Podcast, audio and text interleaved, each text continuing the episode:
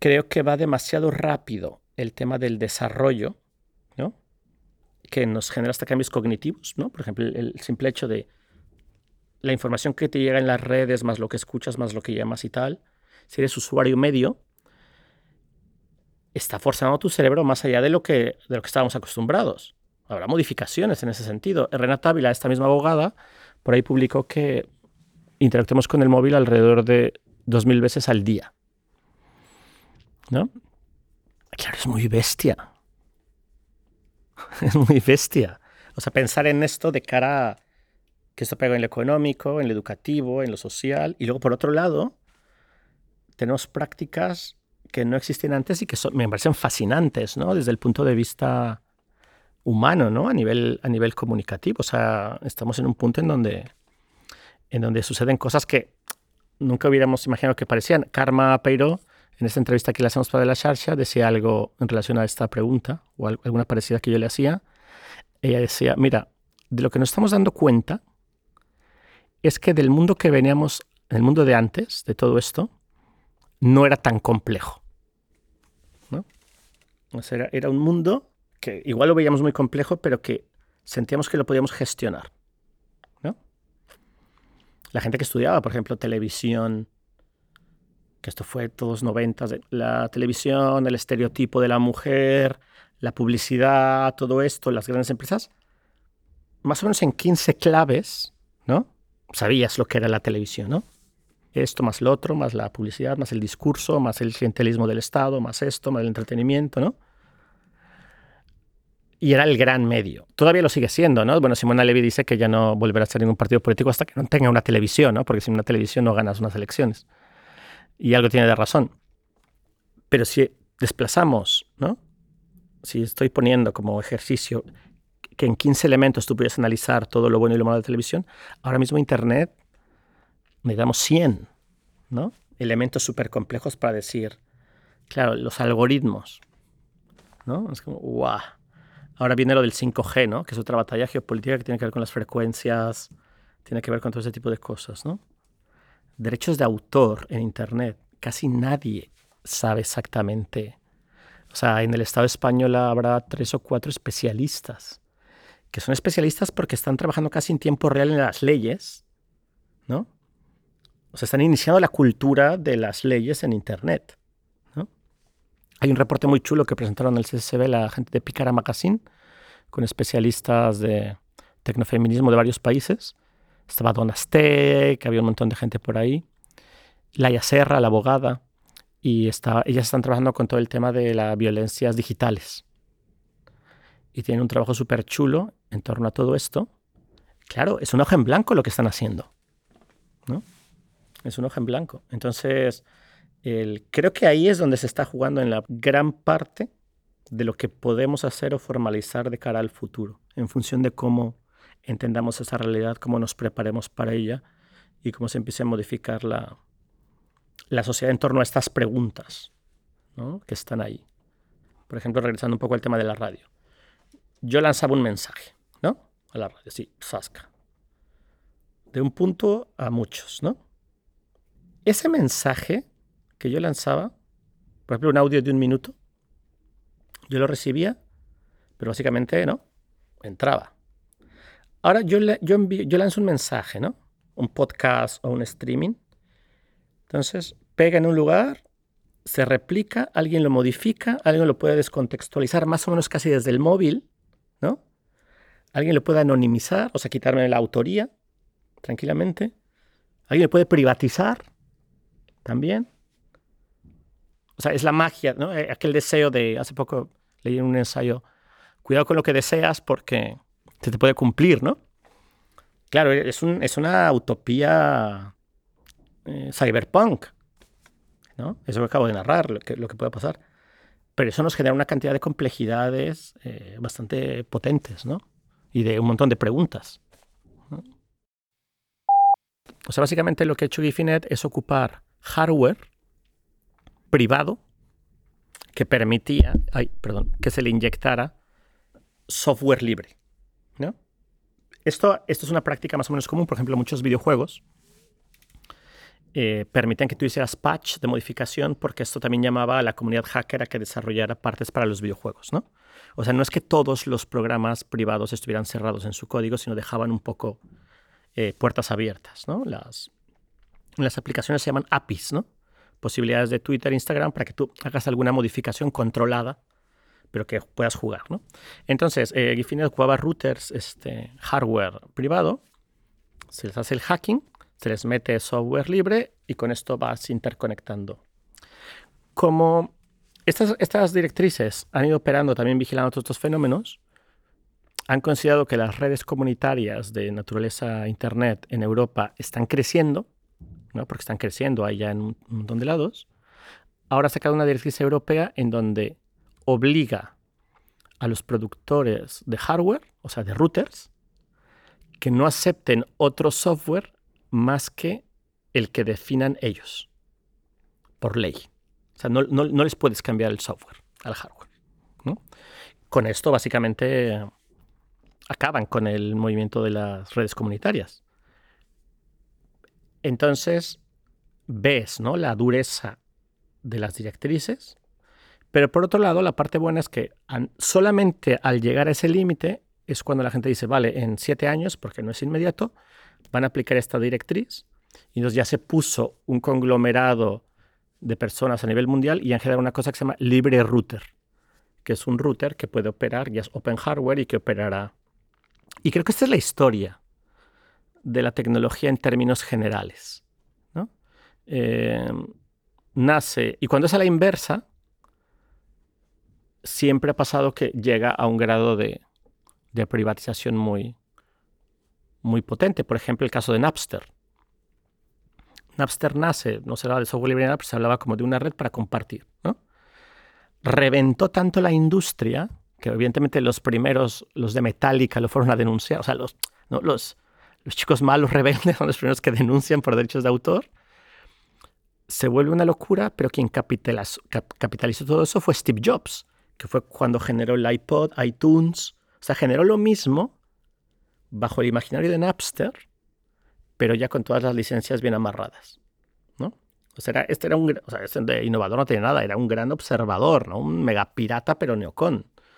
Me matará todas las escuelas de diseño de Barcelona ahora que escuchen esto. Pero, pero era eso. Entonces, si tú, lo, si tú lo miras, en el desarrollo siempre ha existido estas tendencias, o sea, la de apertura, apertura y luego delimito, pero entonces hago una contracorriente, o la de fenómenos, ¿no? súper humanistas o experimentales y tal, pero que la industria nada más está viendo cómo poder capitalizarlo en una, en una tecnología ya de como modelo de negocio. ¿no? Entonces, ese ciclo nunca se acabará, o sea, en el fondo. Cuando la vida es eso, o cuando es una práctica paralela. Cuando es una práctica paralela que yo estoy haciendo y me ponen esa ley y lo entiendo perfectamente, digo, yo ya no me voy a meter en esta movida.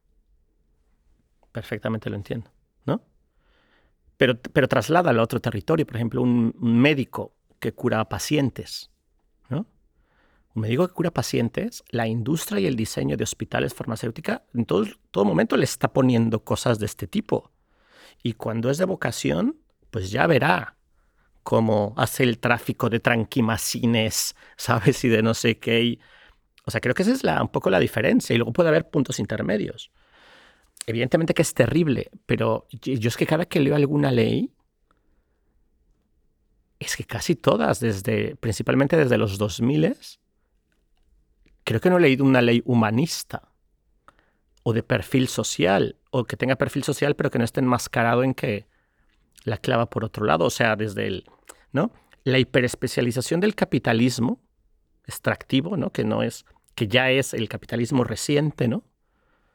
que es el de me voy a cargar el mundo, ya básicamente ya eh, hay un cinismo sobre la mesa total. Ya, ya sé que no estamos cargando el, el mundo, pero mete más cruceros, mete más tal.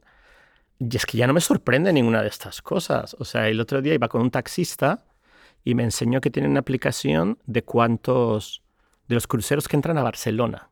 Entonces yo he leído un montón de en periódicos de estas cosas y he escuchado, no, pero cuando me lo enseñó yo es que me casi me desmayo.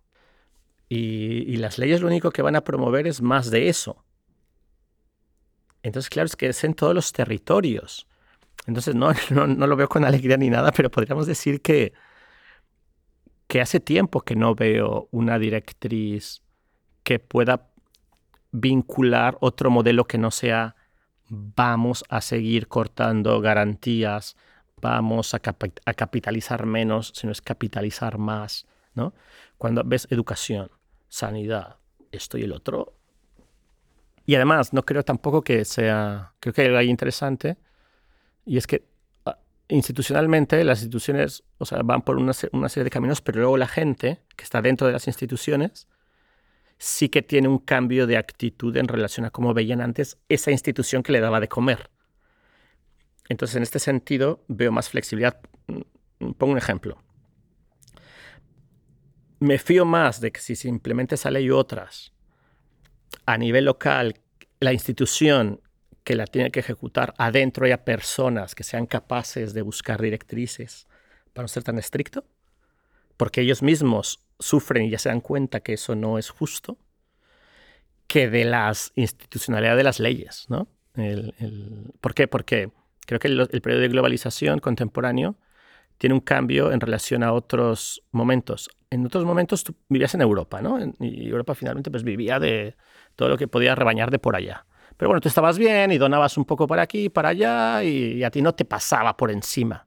Pero es que ahora tú siendo europea, estando en esta Europa que sigue siendo extra, extra, extractivista, aún así a ti van a por ti y buscan que aún seas más precaria y ya no cabes en esta Europa, aún siendo europea. Entonces está generando un cambio. Antes había un sistema de protección también para los suyos, pero ahora ya nada más es para sus elites también. Entonces es capaz de desahuciar a alguien de su piso también, aunque tú seas ¿no? de ese ADN. Y eso hace que dentro de las instituciones y dentro de la forma de operar empiecen a haber otro tipo de alianzas que son un poco más horizontales. ¿no? porque te apela directamente también el tema de la vivienda y también te va a apelar el tema de, igual forma de, esa de, esa, de esas normas en tu lugar de trabajo o en otro tipo de lugares, ¿no? O sea, es, es bastante guardando las, las distancias, pero creo que hay un cambio importante y por eso creo que va a haber otros pasos de negociación. Evidentemente van a por todas, ¿no? Bueno, es que, por ejemplo, eso de la ley europea que estás mencionando, es que ya lleva como 10 años que en Estados Unidos tienen derecho de quitarte la memory card, ¿no? De tu móvil o de... y leerla y vaciarla y... Es que los niveles tienen mucho tiempo que son bastante excesivos, ¿no? En, en, en ese sentido. Entonces, sí, eh, esto es algo que evidentemente que hay que seguir de cerca y tal.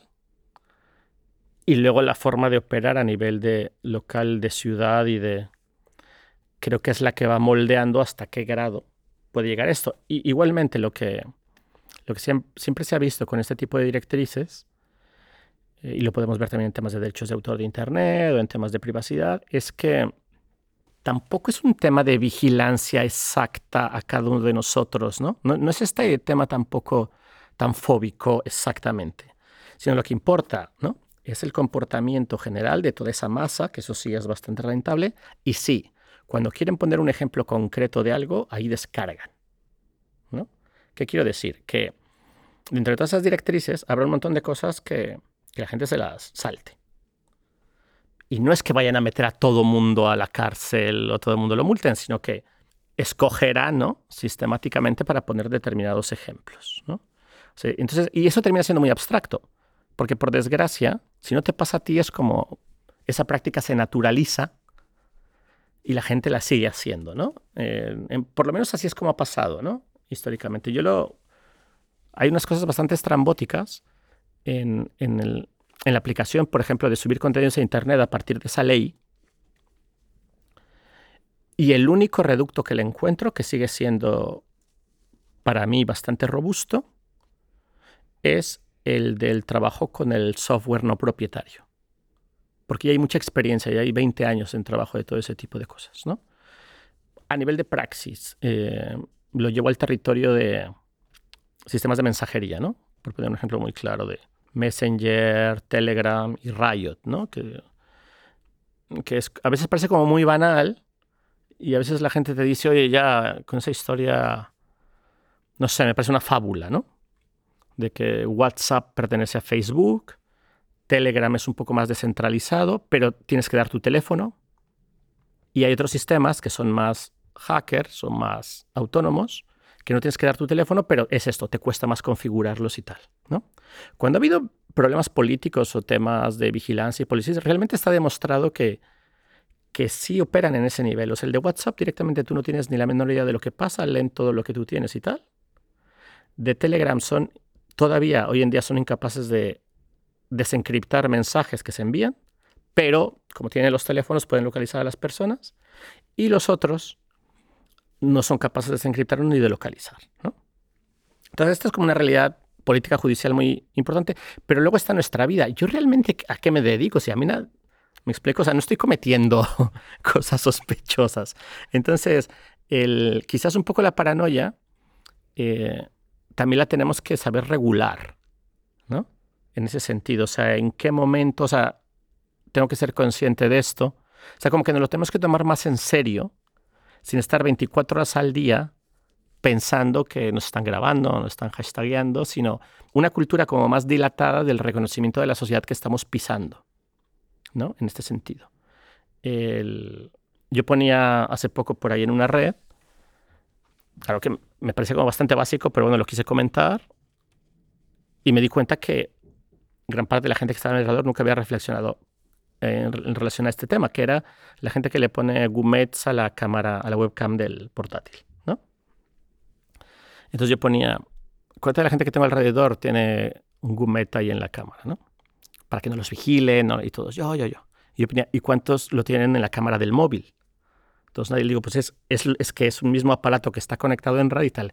Y una amiga me ponía, calla, no me lo digas ahora que ahora mismo estoy sentada en el lavabo escribiendo esto.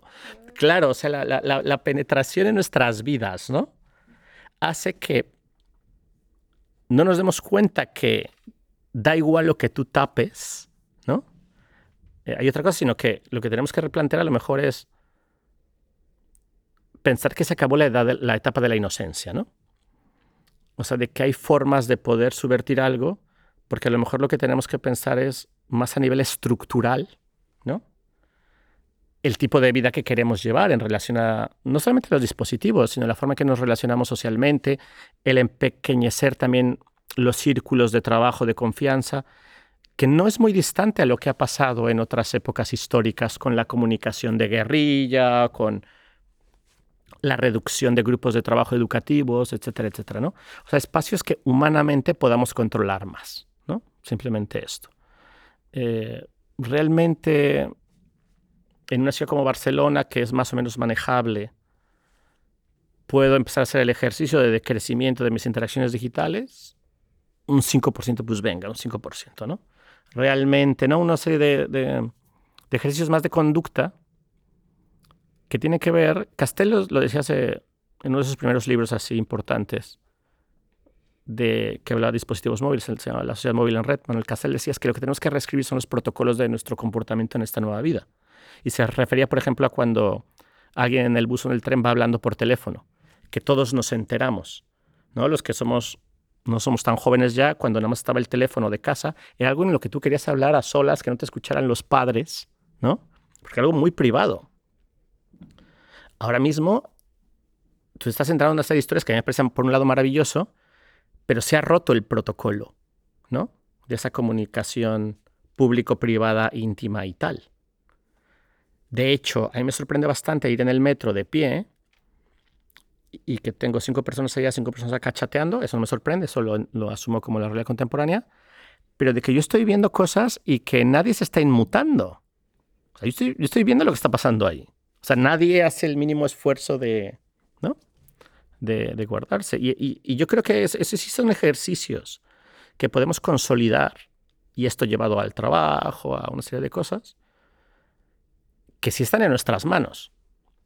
Y que al final de cuentas, ese tipo de, de actitud, de actividad o de postura ante esos dispositivos sí que modifican sistemáticamente lo que les interesa, que es el flujo de datos, el sistema que consume, etcétera, etcétera. Y siempre desde lo local, que quiero decir que también cuando entras a estos debates, ¿no? Dicen, ya, pero con eso no, ganarás nada porque Google seguirá existiendo. Claro que nadie va a acabar con Google, ¿no? O sea, nada más puede acabar Google con Google, pero el PP solamente puede acabar con el PP, ¿no?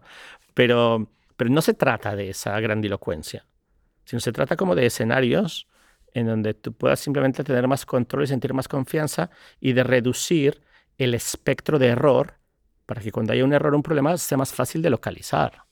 Básicamente, básicamente es eso, ¿no? Ayer a una amiga se le perdió el móvil y, y yo preguntaba, ¿y dónde tenías los números? ¿En la tarjeta o en el teléfono? ¿O en la nube? ¿No? Que los puedes tener.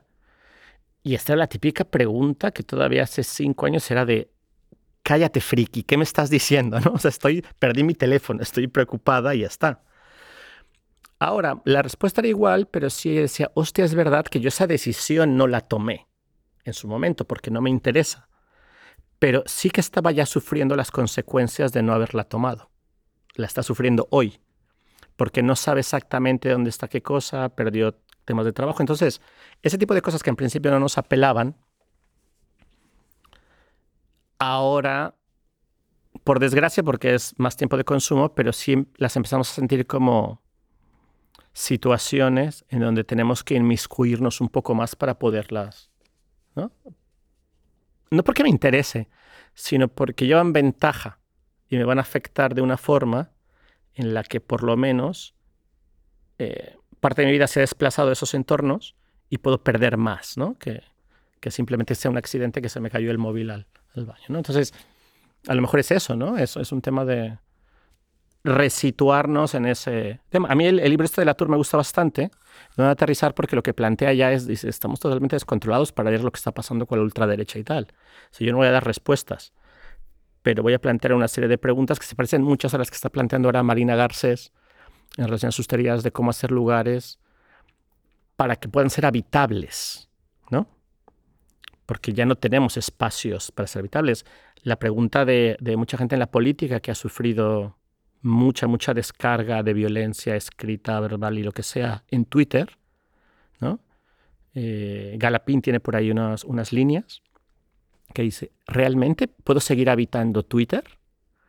Se parece a la, la pregunta de Marina Garcés, de la Tour, una pregunta más filosófica desde ese punto, ¿no? Pero ya no estoy en el cargo, ¿no? Porque ya no es concejala de...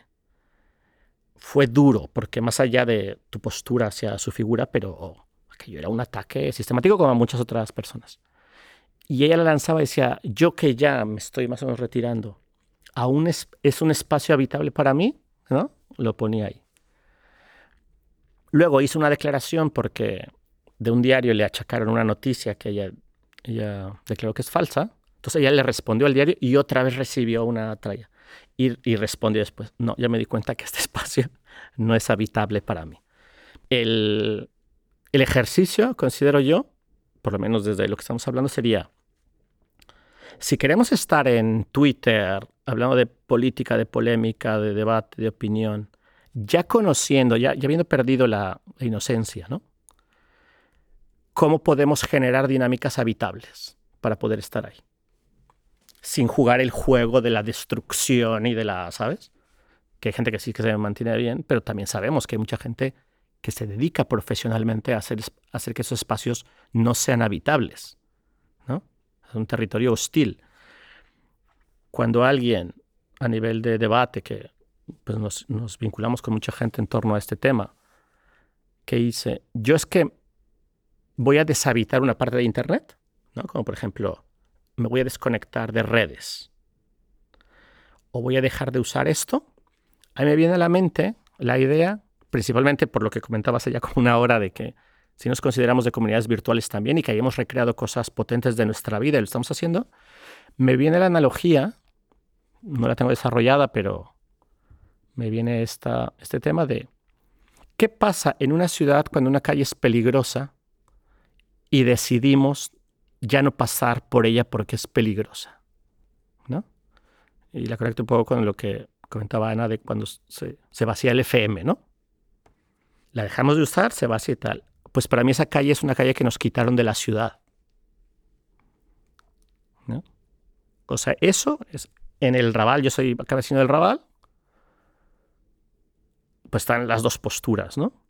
El que dice que a lo mejor no era necesario para esa persona vivir en el Raval o en su momento le moló, pero ya después ya no tanto, que cuando empezaron los problemas, que es muy entendible, dijo, yo me piro otro lugar, yo no tengo por qué hacer nada aquí. Y otra gente que dice, esto es, es mi barrio y tengo que hacer cosas. Luego ya veré si termino perdiendo o no. ¿No? Entonces, entonces esa, esa habitabilidad de Internet en ese escenario para mí es simétrica igual de relevante que lo que pongo de la calle. ¿no? Y, yo sé que Barcelona puede tener este tema de la calle, pero claro, los que venimos de megalópolis, ¿no? masificadas, lo entendemos aún más, ¿no? El hecho de pensar cuántos parques públicos hemos perdido, ¿no? Sistemáticamente por no operar. Claro, también ahí operar tiene otros costes.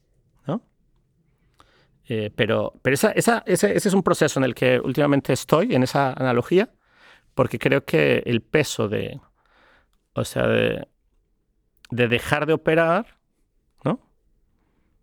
Es que básicamente lo estás vaciando y, y lo, has entregado, que también puede ser una, una opción, pero creo que tiene que ser más consciente de simplemente el cambio de tecnológico, ¿no?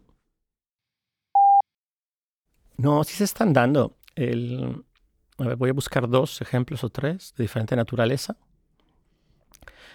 Uno que me parece fundamental porque no tiene que ver necesariamente con comunidades de base, etcétera, etcétera, que sería la um, Vila Urania, el centro cívico.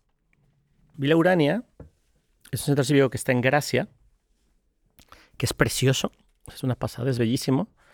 Y un poco viendo la historia, es que había un, astrónomo catalán muy importante del siglo tal, que vivía ahí y era su casa, y el tipo dejó de testamento que cuando muriera cedía esa, esa casa para que hiciera algo para el barrio, algo así.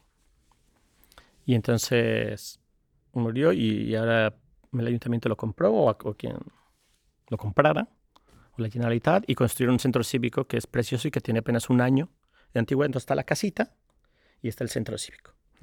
Está junto a Vía Gusta y por Fontana. Y entonces han hecho un montón de proyectos y tienen recursos. Y entonces una de las cosas que dijeron, vamos a hacer una radio. Entonces, casi desde que nacimos, vinieron los chicos. Dijeron, mira, tenemos que montar una radio, pero nosotros... Entonces dijimos, bueno, nosotros podemos hacer todo el proceso de acompañamiento y nos iremos encontrando con un montón de cosas que podemos ir comentando, ¿no? Entonces hemos ido como de la mano con Vila Urania, ya tiene como cinco o seis programas. Y, em, pero claro, por los procesos internos de Vila Urania, al ser un centro cívico, no le sirven las experiencias a lo mejor de una radio de una casa ocupa del Poblenou.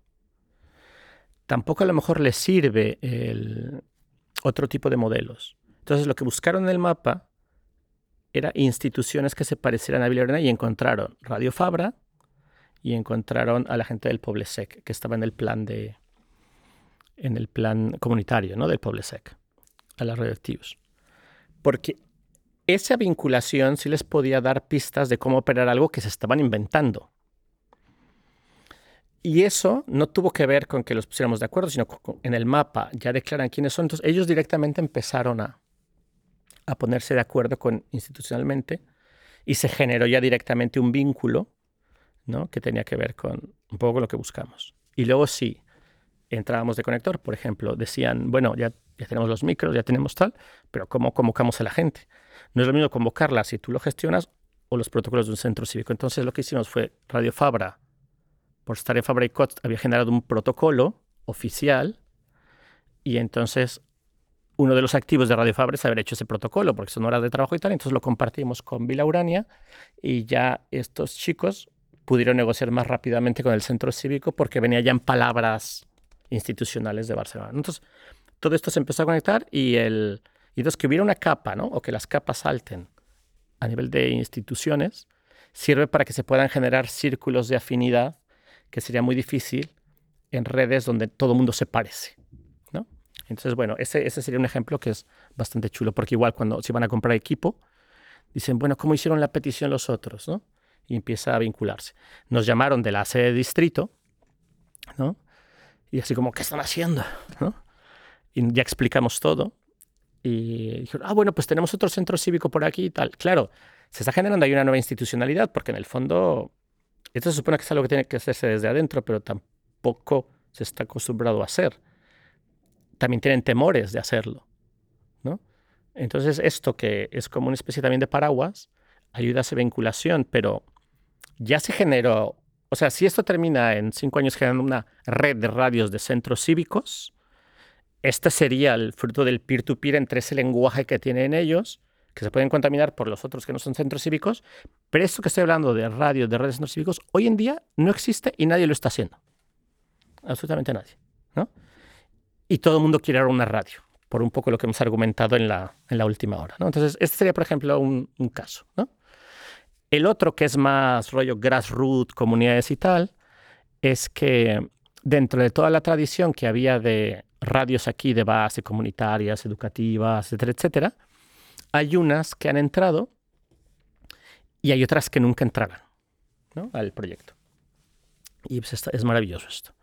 El tema es de que hay gente, por ejemplo, la, gente de Teleeduca, que tienen, tienen un proyecto muy chulo de educación social, etcétera, etcétera, se inscribieron y tienen un programa de radio en Radio Fabra, pero al mismo tiempo ya son una máquina muy potente de, de generar cosas. ¿no? Y entonces, ellas han hecho una vinculación por la red de radios, por un organismo internacional que tienen, por el programa que tienen en Radio Fabra. A nivel universitario también tienen puentes. Y finalmente, sí que han naturalizado la transversalidad, porque ya la traían, de lo que puede ser un proyecto de estos, o sea, que te pueda servir para unas cosas y para otras no. Entonces, hemos, hemos participado con, con ellas en, hace poco en, en, las fiestas de la, Trini, de la Trinidad Nova, y ya el diálogo de participación era un poco esto que sería un peer-to-peer, ¿no? Es, nosotros tenemos las fiestas de Artibarri, que es un poco la organización que hace todo esto. ¿Qué ponemos cada quien?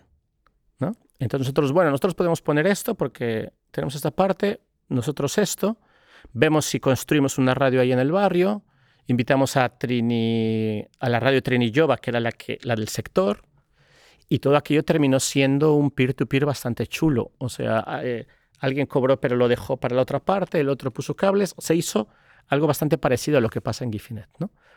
no, es, no es que un centro cívico te tenga que encargar algo, o no es que el MACBA te tenga que encargar algo dentro de estas prácticas, una institución, sino es la institución como un escenario también poroso que dice yo pongo unas cosas que ponen y el proyecto va siendo ¿no? cobertura entre las diferentes capas. A esto me refiero un poco con peer-to-peer. ¿no? Y entonces se perdió, por ejemplo, un cable. Y entonces ahí tienes a todo mundo preocupado por que se recupere el cable de esa persona. Al mismo tiempo faltaba programación para unas horas y otra gente, no, no, tranquilos que yo, alguien que no estaba en tu proyecto. Los de la cafetería de ahí, que también este centro cívico lo sienten como suyo, el de la Trinidad Nova, ayudando porque hace demasiado sol. No sé, este tipo de articulación que no se parece a un bolo, ¿no? pero que todo el mundo sabe que se está construyendo algo ahí en, en, la sede, ¿no? Donde tú también llegas, no eres del barrio, entonces tienes que tener un respeto principal por eso. Entonces nosotros cuidábamos bastante que la radio que nos ayudara a articular eso fuera la radio de ahí, que ya estaba en la red, que es Radio Trinillova, ¿no? Y todo salió como bastante lindo, ¿no? En ese sentido, técnicamente, humanamente y tal. Entonces, no sé, por ejemplo, tienes ahí el caso institucional y luego tendrías el caso más que se parece guerrilla, pero también hay un centro cívico y, y termina siendo algo bastante chulo. ¿no? Entonces creo que hay, en Barcelona por lo menos hay mucha experiencia de este tipo de articulaciones y cada vez creo que van mejor.